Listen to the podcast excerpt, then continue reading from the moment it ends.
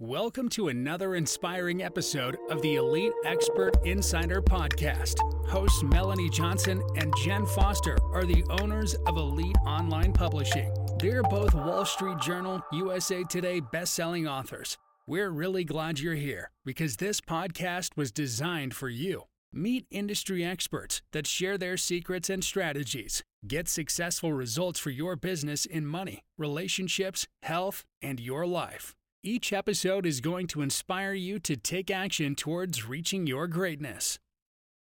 Hey, welcome. I hope you're having a great day. It's Melanie Johnson along with my business partner, Jenn Foster. How's everyone doing today? How are you doing, Jenn? I'm doing awesome. I'm excited for today's interview.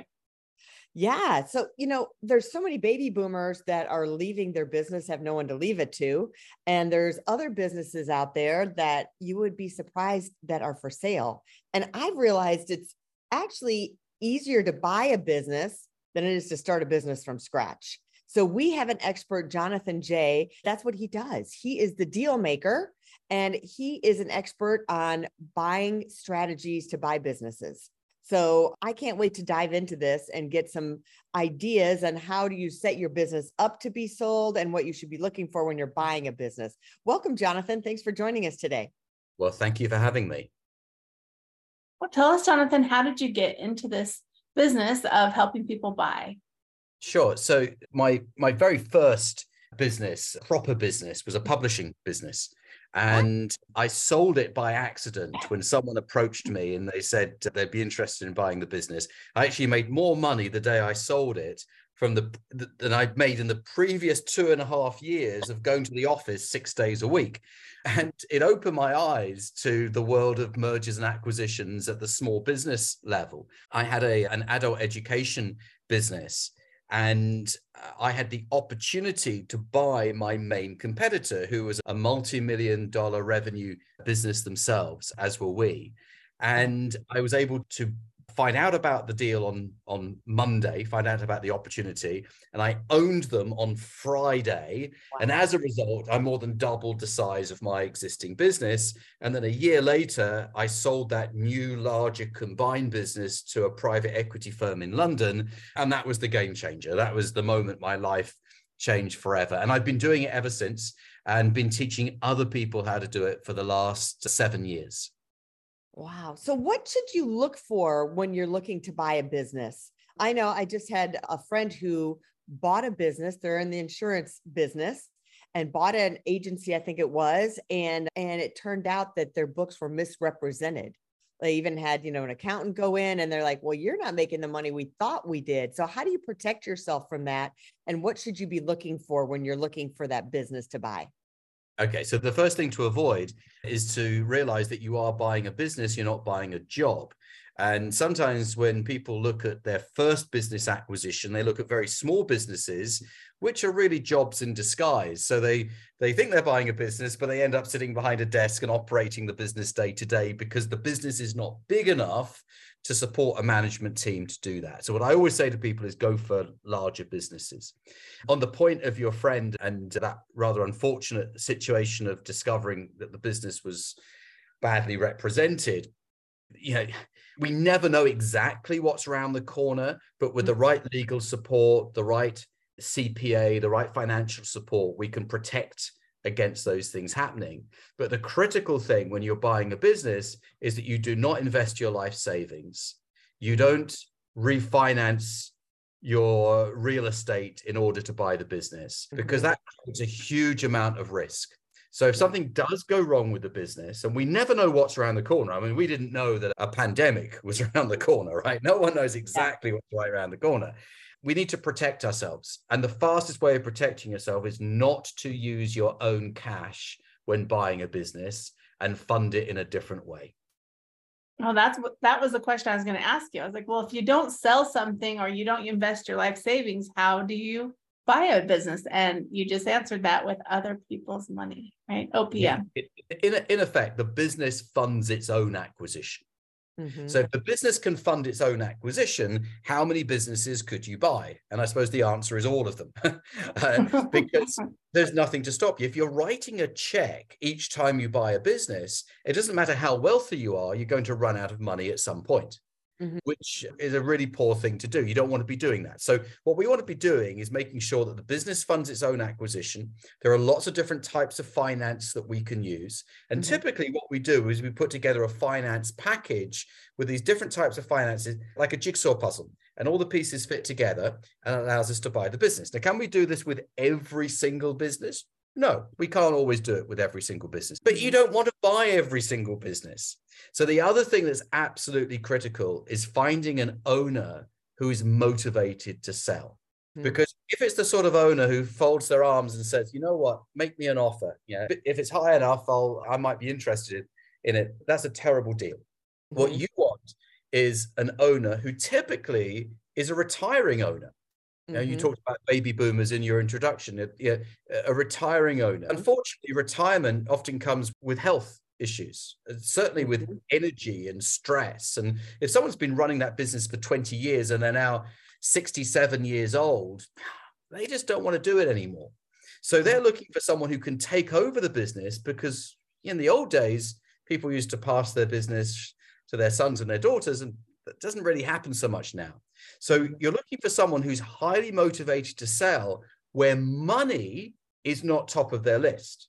Mhm. Now, if you're going to someone who's 30 years old and selling their business, they've been watching Shark Tank. So for them, it's all about the money. Okay. Yeah. So what we want is this older, retiring owner who's made good money over the years because we only ever buy established, profitable businesses. We want businesses that make money. We don't want businesses that make a loss. And we can buy that business by allowing it to fund its own acquisition. Maybe we pay something for the business on day one, we pay something a year later, something a year after that. And as a result, the business is self funding. The acquisition is self funding. And then what happens is we've got ourselves an established, profitable business that works without us. Very important because remember, we're not buying a job and we've done our first deal. And everyone I work with, when they've done their first deal, they say, Well, why didn't I do that 10 years ago or 20 years ago? I wish I'd known that when I was 20. That's what lots of people say. And then they can go and do their second deal and their third deal. And you become quite addicted to doing these deals and you want to do more of them. So when you say it works without you, meaning like, is it like we're in the publishing business? Would it be other businesses that are related to what we already do that we can take their systems and make it better with the machine we already have working? Um, so we're not having to go in and you know, like, you know, we know, hey, there's profitability on the back end because we can fix the things. This is an up and running business. It's making money, but we know that we already have like other things we can implement in there that will help increase profitability. Is that something that you should look for? Yeah, it's, it's always sensible to buy something that you understand because otherwise you've got two learning curves happening at the same time. You've got the buyer business learning curve and the Mhm. buyer business that I now have to learn all about learning curve. Yeah. So if you have a background and a type of business that you own already, then buying another similar business or something that can be bolted on as a new Mhm. division of that business makes an awful lot of sense. Yeah. My former husband and I, we bought a business that was similar to ours. We had kiosks in the mall and we bought an inline store. So that was the same product, same type of product. And it was interesting because the manager who we kept the same manager at the inline stores. And I was thinking in my head, like, she could have easily bought this. Like, she just didn't know. She didn't know what we knew, which was we can use someone else's, you know, money to give the down payment and then make payments over five years to the owners because they were retiring and wanting to get out of it. Yeah. And we used the money from the business to pay the woman, right? To pay the owner. So like Absolutely. it wasn't like we really came up with any money, but the problem that we faced was we bought a job. So he went to Oh, work okay. every day at that place, which was not but, that but- good. but, but you did it. That's the most important. we did thing. it, yeah. And you know, you might wonder why. You know, if it's so straightforward, why aren't more people buying businesses? Because they don't know how mm-hmm. to. They, Yeah. they think Right. you need to be a multimillionaire to buy a business. Well, and I oh, think the manager that our manager of the store, she thought that's what she thought. She thought we were super wealthy and that we had just paid in full for this Yeah. business. You know, she had no idea the transaction or how to work it. Very interesting. Yeah, a- absolutely. So knowledge is power. Yes. Yeah. Mm. And let me ask you, what should you be doing to, if you know you want to sell your business, no matter what age, I guess it might be different when you're 30 versus you're 67 and you're going to retire. what should you be doing to set your business up so it you can get the most amount of money for it? Okay. What most people do is they leave it way too late. So they wake up on New Year's Day, you know, the 1st of January 2024, and they say, I'm going to sell my business in 2024.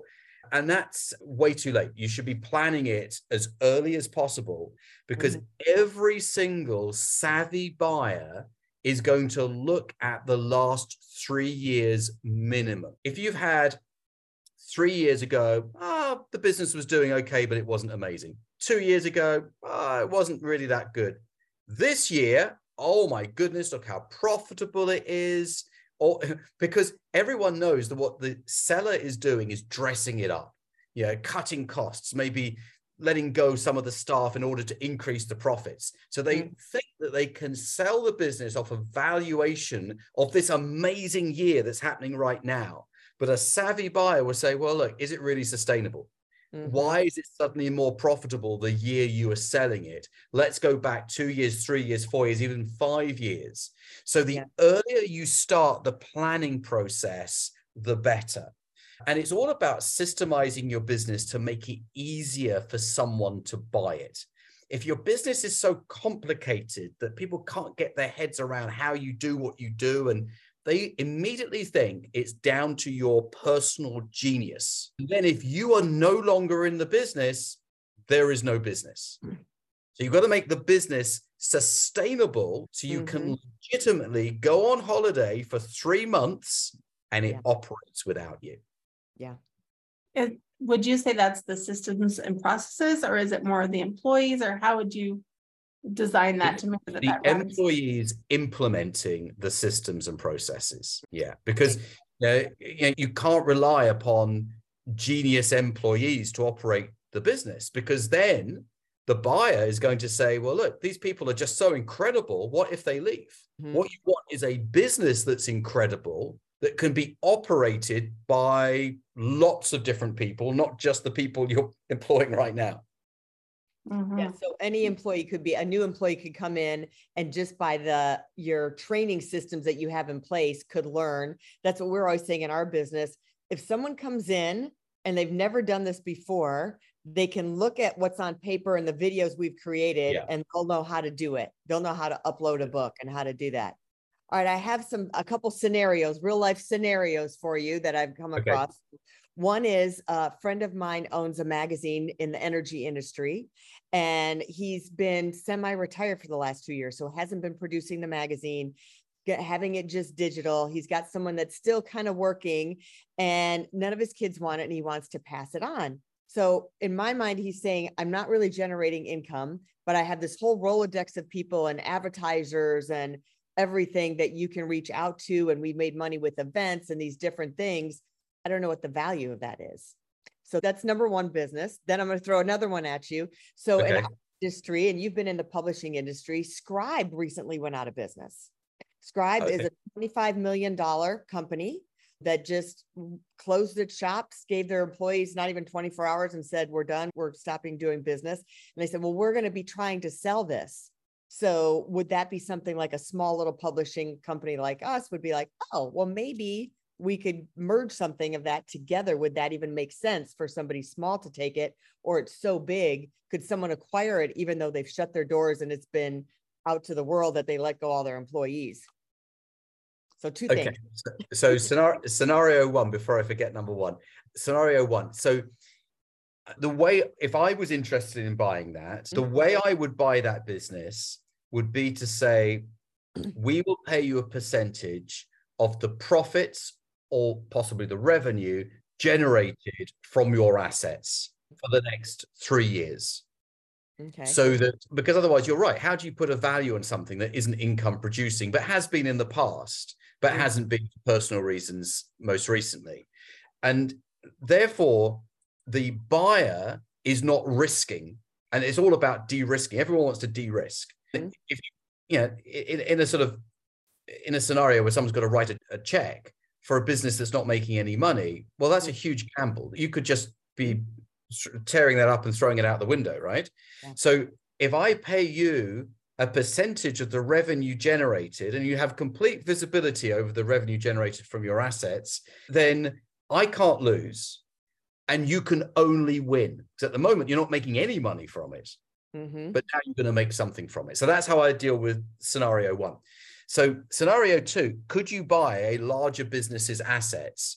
Absolutely. So, businesses close for a variety of reasons. And I'm not familiar with the situation that you've described, but I have clients who are buying the assets of businesses that have closed for cents in the dollar because the and we have different terminology here in the UK but the people managing the closing of the business just want to realize some value from those assets. Mhm. So yes, is it possible for a smaller business to buy a bigger business? 100%. Okay. And then you Would have you to look- leverage oh. that, right? With, sorry, with, you know, because you are going to put so much money on the line to acquire those assets and get a loan or get something to be able to do that to purchase those. So there is. Yeah, some- well, it, um, again, yeah, it, it it's a kind of a, it's an all depends answer, but there is a, definitely a possibility for paying for those assets over a period of time. It's, it's different in different countries around the world, but in the UK, you could probably negotiate to pay for those assets over 12 months. And, wouldn't you do a deep dive though to find out why they closed before you would buy it? Like, might not be. Yeah, I mean, I mean, yeah. So, sometimes businesses, yeah, they they hire too many staff, their overhead's too high. There's a drop in trading, they can't get rid of the overhead, Mhm. or there was some debt in the business. And you know, when you buy a business, we say out of administration, but you've got you'd say out of bankruptcy. I think when you buy a business out of bankruptcy, then you leave the debt, you leave the liabilities behind. So sometimes a business can be fundamentally a good business. It's just being weighed down by debt from the past or maybe some sort of you know they haven't been paying their taxes and the government closed them down for that reason. Uh, so there's lots of different so absolutely you have, you've got to know the reason why. I mean the worst reason why is no one wanted to buy their products and services. But if they were doing i think you said 25 million dollars a year clearly there's some traction there but typically it's the overhead that kills the business or actually even poor cash flow. You know so so so the money's going out before the money comes in and then the money doesn't come in and then you got yourself a problem. What's one piece of advice you'd give to a buyer going into an acquisition? know what you're doing because you've got to get yourself educated. You've got to become knowledgeable about the process because the seller will not know very much about selling their business. You need to know how to buy a business. So you need to control the deal and make it very much your deal. Yeah, that makes sense. Well, tell us where people can find you, Jonathan. YouTube. It's all on YouTube these days. So if you type my name, Jonathan Jay, into YouTube, you'll find my channel. Subscribe to the channel. 200 videos all about buying a business, dozens and dozens of interviews with my clients and the successes that they've had, the deals that they've done. It's a whole, it's a whole free education on the YouTube channel. Awesome. We'll put that link up in the show notes. Thank you. Terrific. Thanks for coming today. And if you're looking to become an author, reach out to us at eliteonlinepublishing.com and hit the author submission button. We make all of our authors bestsellers and Wall Street Journal bestsellers. We'll see you next time. Bye.